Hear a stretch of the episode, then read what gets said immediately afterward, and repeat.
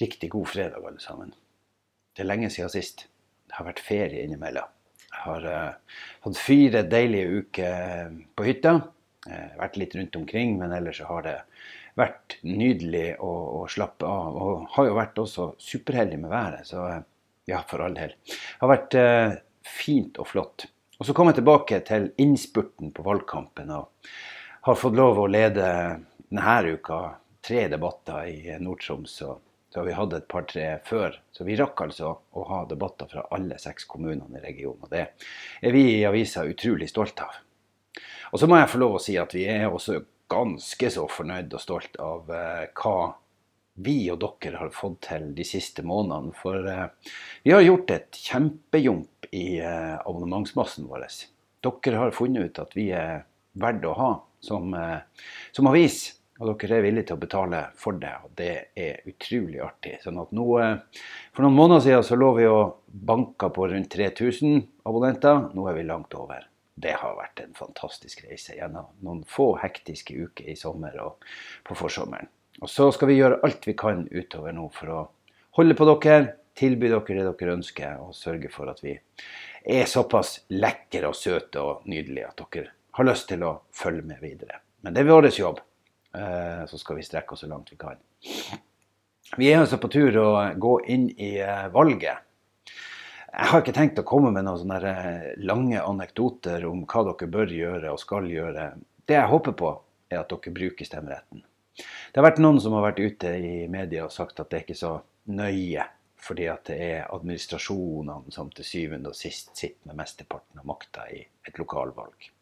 Og så er det veldig fokus på at dette er et protestvalg mot regionreformer og andre reformer.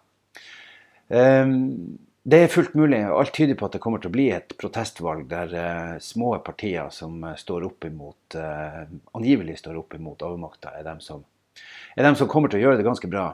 men det er verdt å huske at stemmen din teller.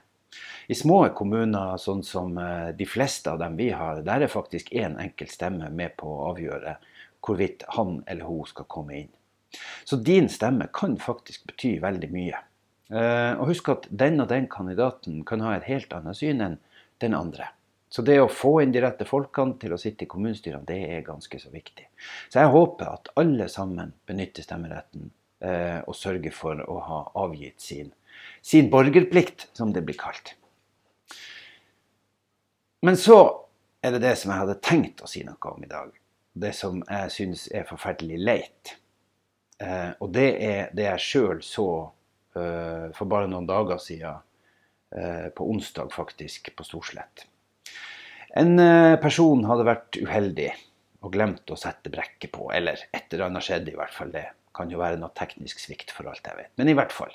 Bilen til vedkommende trilla ned av parkeringsplassen bompa ned i skråning og havna ned i Reisaelva.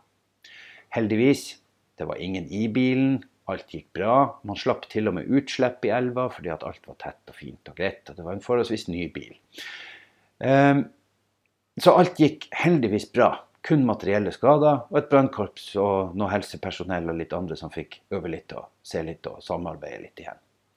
Men det er ikke poenget. Poenget mitt er at det jeg så, og det mange andre så, det var at uh, vi er blitt så opptatt av den dingsen her at vi glemmer de dingsene her. Vi skal ta bilde av alt. Vi skal være på plass, og vi skal sende det til alle, og vi skal liksom ha det. Um, og så glemmer vi at vi har en plikt som medmennesker til å stoppe opp, til å sjekke at vedkommende At det ikke er noe fare på ferde. Jim Roger Hansen var en av de første som kom til og varsla politiet. Han og sønnen kom syklende langs med elvelandet. Og når jeg treffer han Jim Roger der på, på, plassen, så forteller han at han sto alene ganske lenge og så at bilene stoppa opp, tok bilde og kjørte videre. Og Jim Roger hadde med seg han lille Simen på to år. Han kunne ikke hoppe uti. Han kunne ikke gjøre annet enn å stå og vente på at redningspersonellet kom til. Han hadde heldigvis sett, og var 90% sikker på at det var ingen i bilen. Så Derfor så stressa han for så vidt ikke akkurat med det. Men han så at vi andre mennesker kom kjørende, og vi kjørte forbi. Det kan vi ikke holde på med, mine damer og herrer. Vi eh, har faktisk en plikt som sjåfører til å stoppe og forsikre oss. Og så kan man si ja, hvor lenge skal vi holde på med det? Vi skal i hvert fall holde på å stoppe og forsikre oss fram til vi ser at det er en aktivitet, og at det er folk som får hjelp. Sjøl bruker jeg å stoppe og kontrollere, selv når det står andre biler, og hører er det noe jeg kan bidra med.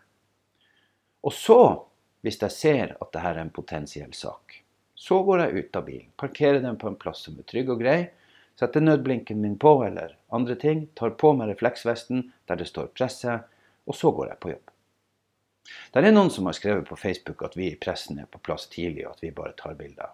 Ja, vi er som regel veldig tidlig på plass. Men hvis jeg kommer som første bil til ei ulykke, så kommer ikke jeg til, til plassen som pressemann.